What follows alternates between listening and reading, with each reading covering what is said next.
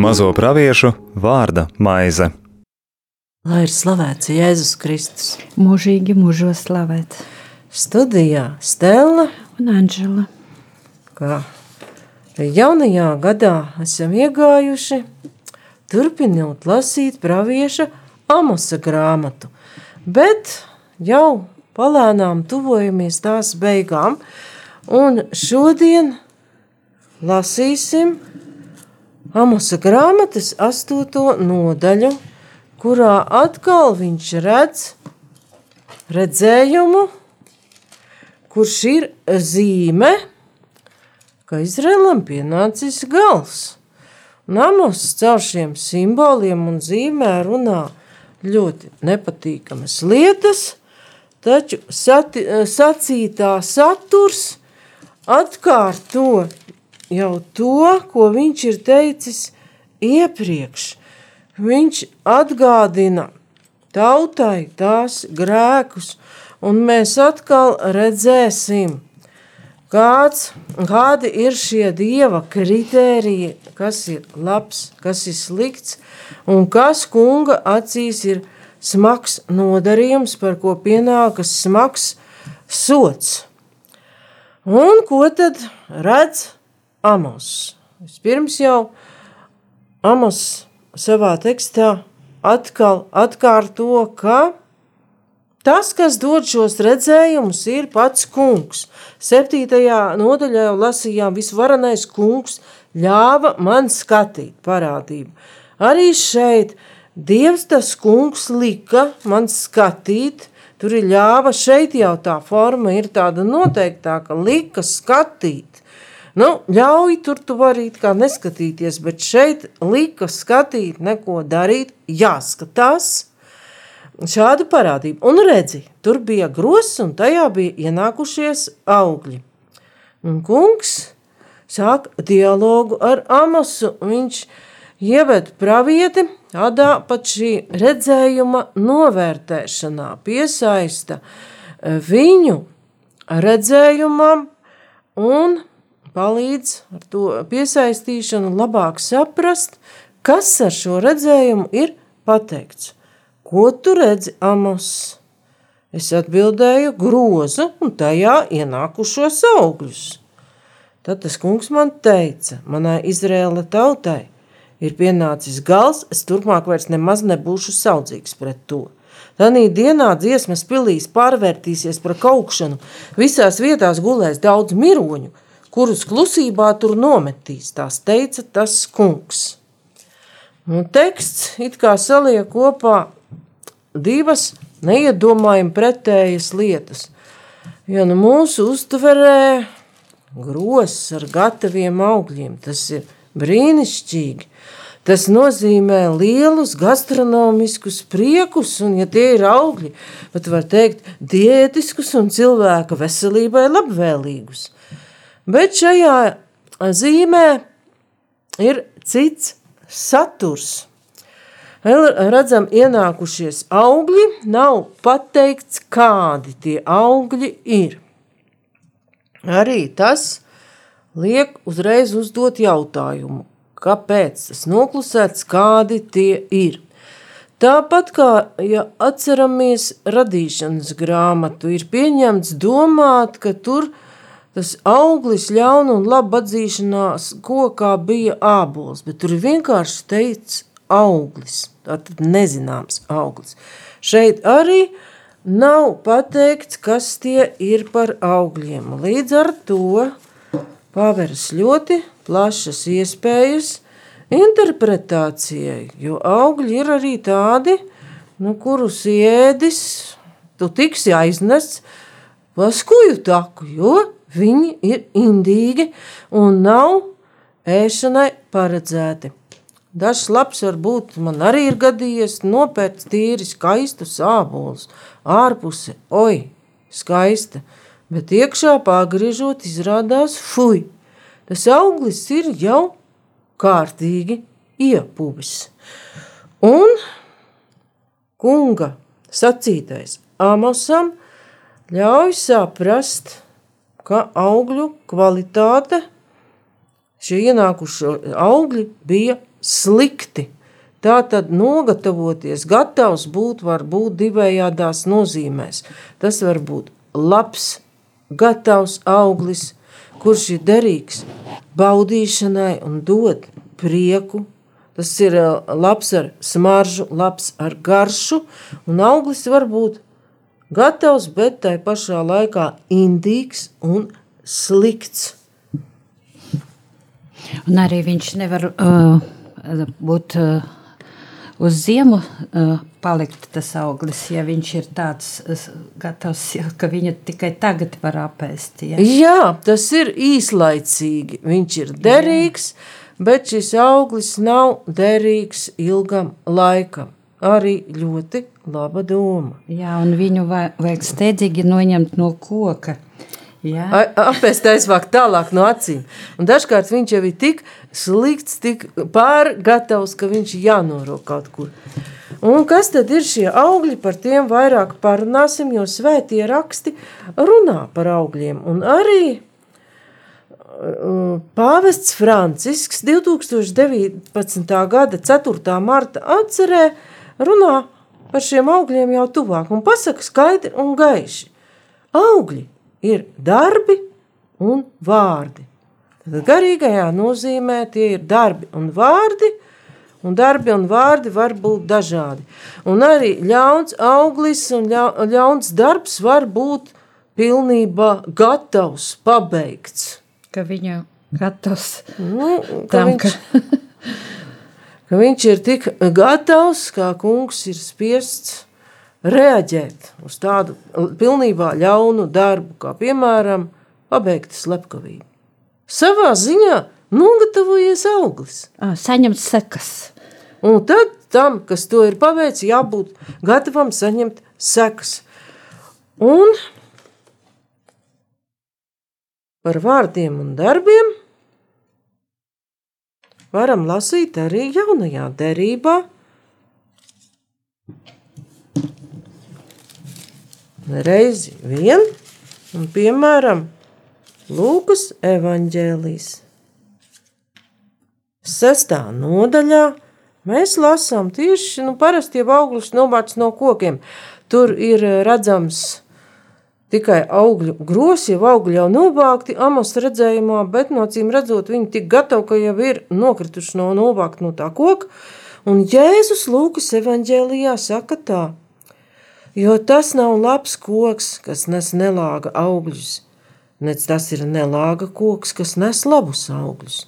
Ik katru koku pazīst no viņa augļiem, jo no ērkšķiem nevar lasīt vīģes, nec vīnogas no daļiem. Labs cilvēks no savas labās sirds krājuma izdod labu, un ļauns cilvēks no savas ļaunās sirds krājumiem izdod ļaunu. Jo no sirds pārpilnības mute runā. Un tā tad varam jau saprast, ka Izraels ir šie koki, kuri ir slikti koki, kas ir nesuši sliktus augļus. Arī es eh, varētu izlasīt no pravieša Jeremija grāmatas to, ka uh, pravieti Jeremija uzrunā kungs, un par mani nāca kunga vārds. Ko tu redzi, Jeremija? Es sacīju, redzu mandeļu koka zaru. Kungs man sacīja, tu taču redzi, ka es esmu nomodā par to, lai mans vārds tiktu pildīts. Un kunga vārds nāca par mani otrais. Ko tu redzi? Es teicu, es redzu verdošu katlu, kas no ziemeļiem gāžās. Tad kungs man teica, no ziemeļiem gāzīsies ļaunums par visiem, kas apdzīvo zemi.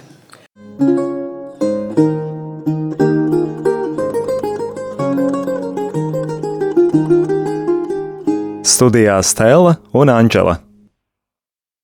Paldies! Tur ir tikai zars, vēl nav augļu pat. Un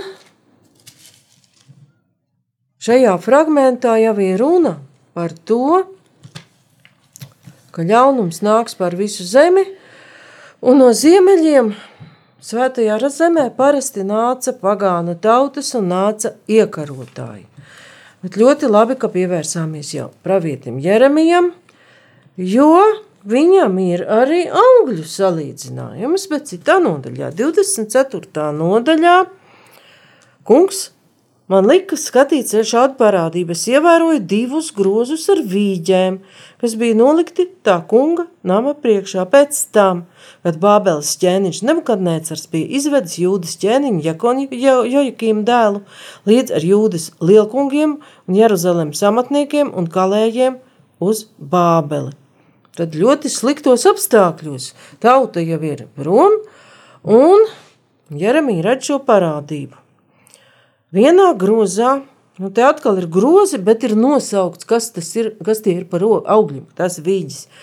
Ir bija ļoti labas vīģes, kādas mēdz būt agrīnās vīģes, bet otrā grozā bija gaužām nelāgas vīģes, tik nelāgas, ka tās nevarēja ēst.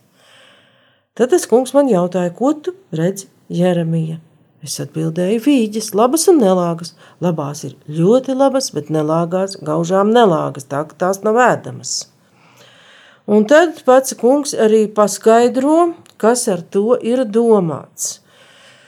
Jo pie Amosa tiešā izskaidrojuma nav, bet tālākais teksts paskaidro, kas ir tie augļi, kuri ir gatavi, un tālākais teksts ļauj saprast, ka viņi ir gatavi, bet viņi ir nēdami. Es, un šeit tad man Jeremijām kungs saka, tad manas ausis skārtā kunga vārds. Tā saka tas kungs, Izraēla dievs.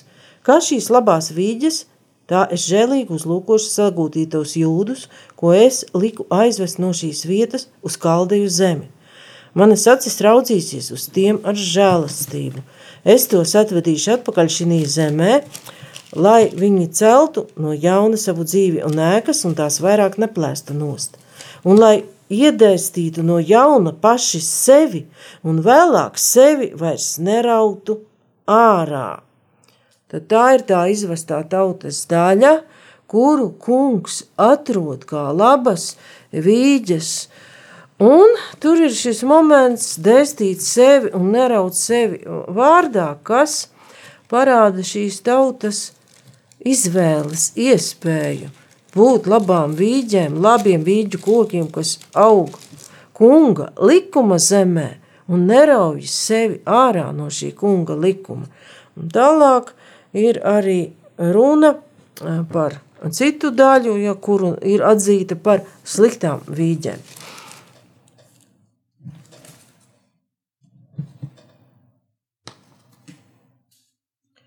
Un redzam, ka Jeremijs redz šo parādību, ka tas notiek tempļa priekšā. Tad var teikt, Dievs ir tas, kas šīs vīģes ir atzins un izvērtējis par labām vai sliktām.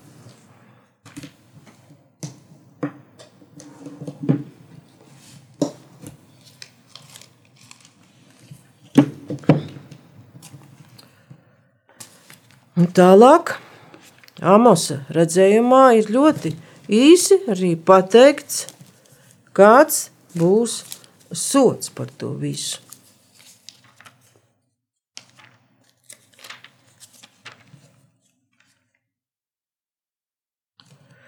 Dziesmas pilīs pārvērtīsies par kaukšanu. Visās vietās gulēs miroņi, kas klusībā tur, no, klusībā tur nometīs, tā teica tas kungs. Ļoti traģiska aina, Un var saprast, tās arī ir iekarotāja nākšanas sekas. Un te miroņus nometīs.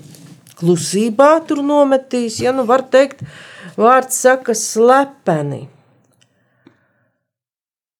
Krieviski atkal ir teikts, krievu tulkojumā, iha budzit brasets molča – tā tad klusējot.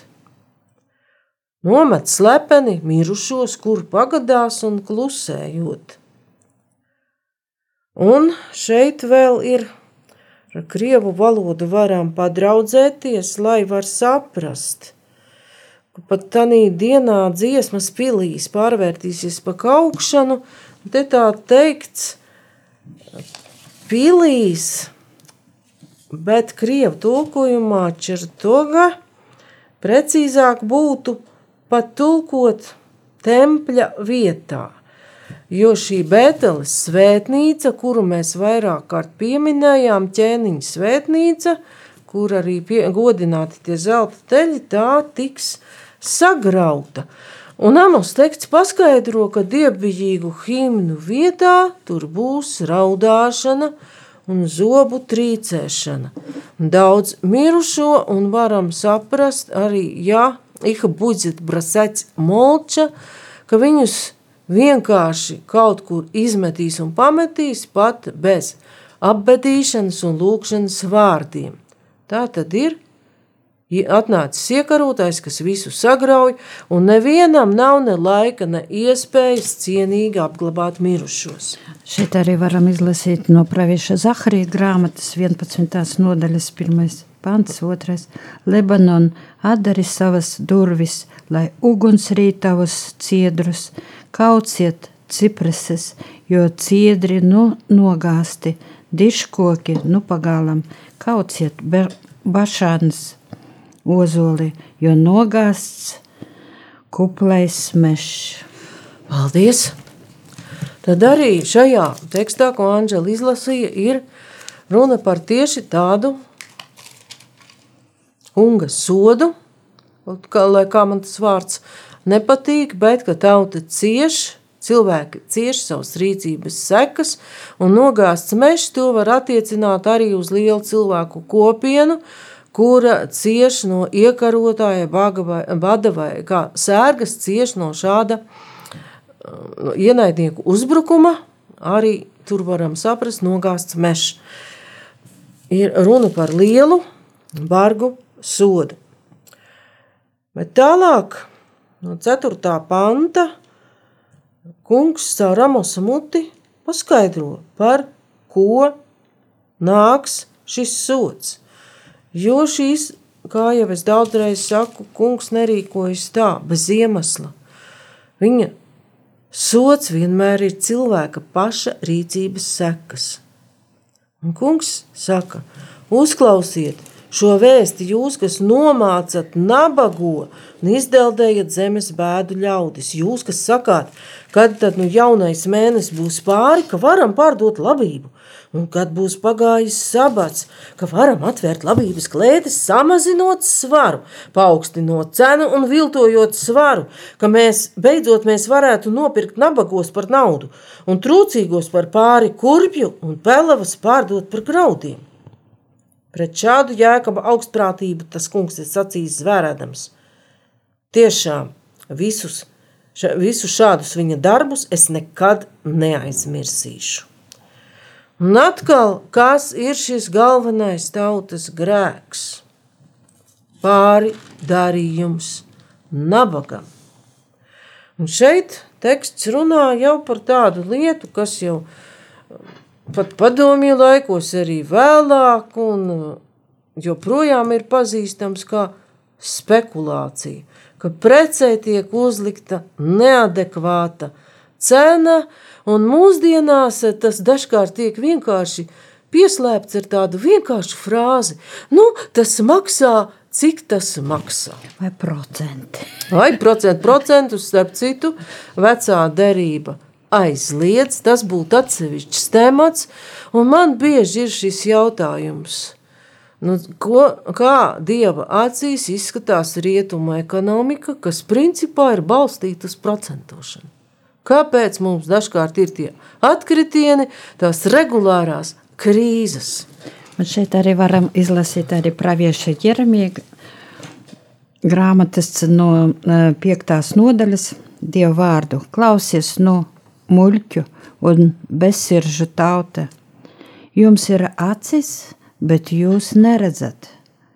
Jums ir ausis, bet jūs nedzirdat. Vai manis jūs nebīstaties, saka kungs, vai nedarbat manā priekšā? Paldies! Šis pravietis uzdod Jeremijas jautājumu tieši par šiem nodarījumiem. Jo, ko tad Amos ir pieminējis? Nomākt nabago. Kas ir teikts par nabago? Un, ja mēs lasītu Toru, tad es redzētu, ka tādi neaizsargātie cilvēki ir atraitnes, nabagi. Un jau izceļošanas grāmatā 22. nodaļā mēs varam par viņiem lasīt, ko kungs pavēl. Tad izceļošanas grāmata, es ceru atrast 22. nodaļu.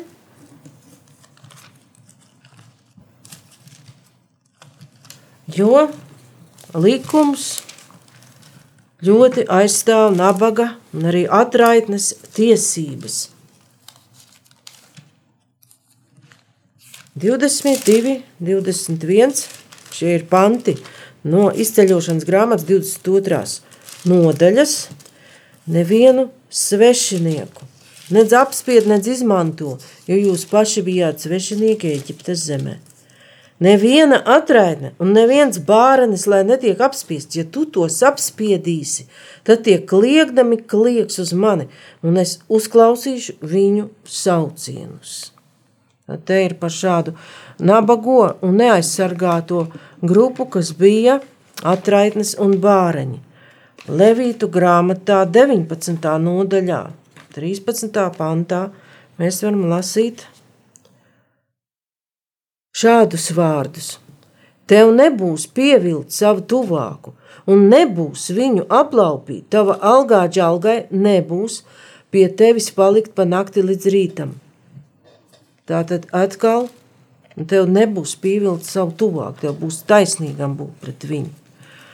Un vēl mēs varam lasīt atkārtotā likuma grāmatu 25. nodaļu, 13. līdz 16. pants. Un te ir runa tieši par to, ko Amos pārmet. Tev nebūs divējādus atsvarus turēt savā somā lielus un mazus. Tev nebūs turēt savā namā divējādu labības mēru lielu un mazu. Bet, lai tev ir pilnīgs un taisns svars, un lai tev ir pilnīgs un taisns mērs, lai tu ilgi dzīvo zemē, ko tas kungs tavs dievs tev dos. Jo ik viens, kas to dara, ik viens, kas dara netaisni, tas tam kungam, tavam dievam ir negantība. Un atkārtotā likuma vārdā ir vēl viens īsts teikums, kas sasaucas ar dekalogu, bet citā kontekstā. Jo mēs varbūt atceramies no dekaloga, tev būs godā tēva un māte, lai tu ilgi dzīvo tajā zemē, kur Dievs tev dos. Bet šeit šī piezīme, lai tu ilgi dzīvo zemē, ko tas kungs, tavs Dievs tev dos, ir attiecināts arī pie apsolījuma par pilnīgu un taisnu svaru un mēru. Tātad par godīgumu pavisam materiālās lietās, tad tirdzniecībā. Tātad Dieva acīs šis godīgums arī šo ekonomisku lietu kārtošanā ir tik nozīmīgums, nozīmīgs, ka viņš apsola par šī principa ievērošanu, to žēlastību ilgi dzīvot tajā zemē, ko tas kungs tev dos. Arī varam lasīt no praviša Ecehela grāmatas 33. nodaļas. 31. 33. pants, un mani ļautis nāk pie tevis kā parasti, apsēžās tavā priekšā un klausās, ko tu saki, bet neko nedara. Viņi ir mīļi ar muti, bet sirds tiem dzenas pēc netaisnas peļņas. Redzi, tu tiem esi kā mīlīga dziesma ar skaistu balsi un jauku spēli, jo tie klausās tavus vārdus, bet nepilda tos. Bet, kad tas viss notiks, patiesi tas notiks, tad tie zinās, ka starp viņiem bijis pravietis. Paldies! Ļoti tieši un precīzs vārds. Jo tie, kuriem Amos pārmet nabagā nomākšanu un apkrāpšanu, droši vien labprāt gāja uz templi un sēdēja pirmajās vietās un jutās ļoti labi. Un klausījās tempļa dziedājumus un himnas, un nekādas sirdsapziņas pārmetumus viņi uh, nejuta, ka uh, viltos svaru, noteikti ar kādām metodēm, paaugstina cenu, samazina mēru, un tas, ka šāda darbības notiek līdz mūsdienām, mēs jau to redzam arī tagad. Jo neviens jau nevar pateikt, kā tikai tie, kas ir tuvu energoresursiem, vai tā cena, ko tagad maksā arī masturīgie cilvēki par energoresursiem, elektrību, gāzi visā pasaulē, vai tā ir taisnas mērs. Mums uz to atbildes nav.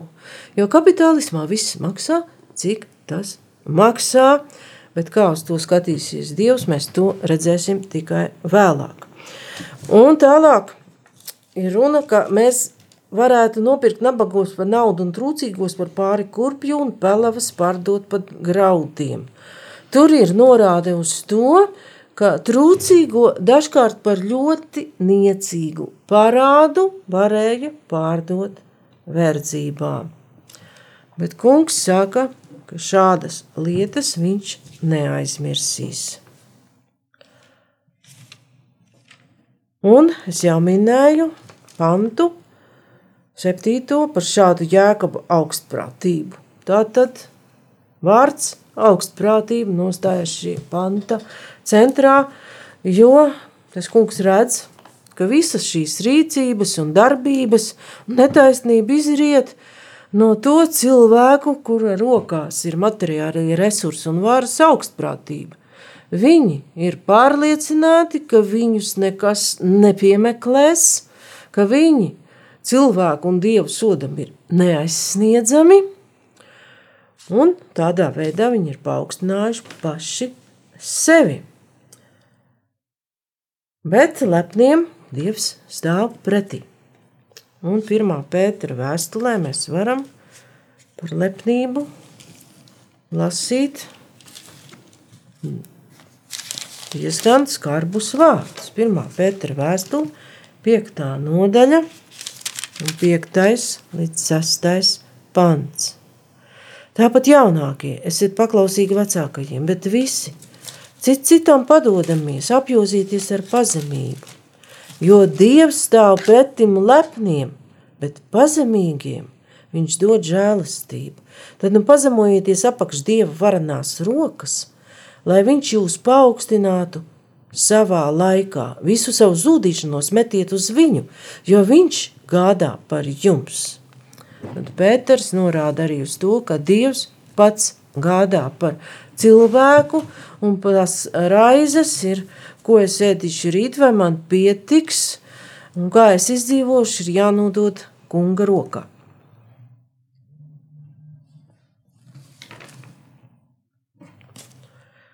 Un vēl par lepnību un augstprātību varam atrast vārdus arī gudrības grāmatās.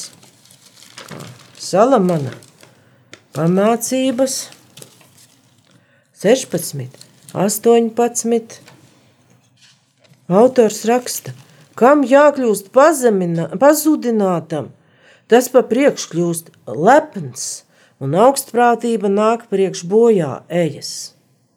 Ir labāk būt pazemīgā prātā ar nabagiem, nekā dalīties laupījumā ar augstprātīgiem. Un mūsu laiks raidījumam jau iztek, tuvojas beigām, un pat kādas tautas gudrībā ir teikts par šo lietu tā. Čigāniem ir paruna, kautu lepns paliktu. Mēs redzam, ka Amos tālāk runās. To, kas sekos šai lepnībai, bet par to jau nākamajā raidījumā. Šodien pateicos par uzmanību, studijā bija Stela un Anģela. Izskanēja raidījums Mazo praviešu vārda maize.